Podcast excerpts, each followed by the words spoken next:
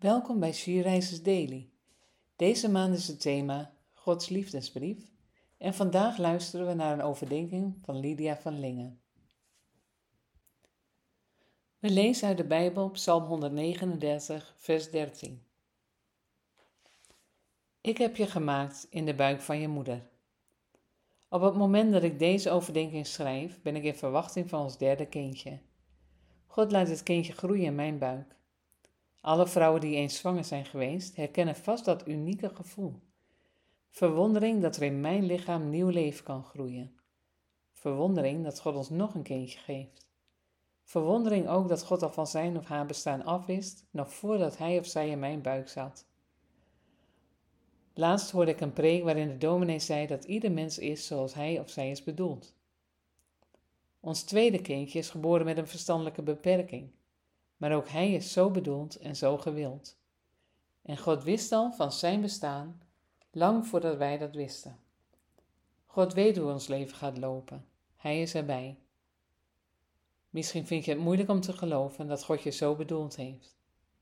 Maar God heeft jou gemaakt zoals je bent, met al je tekortkomingen of gebreken. Misschien leef je wel met een beperking of met een zware last uit je verleden.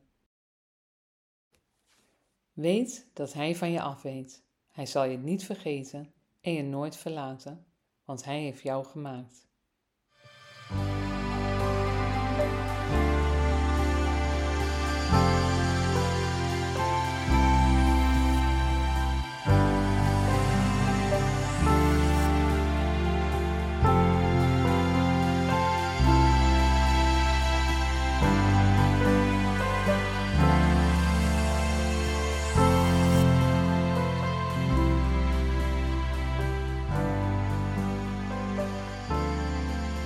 Laten we samen bidden.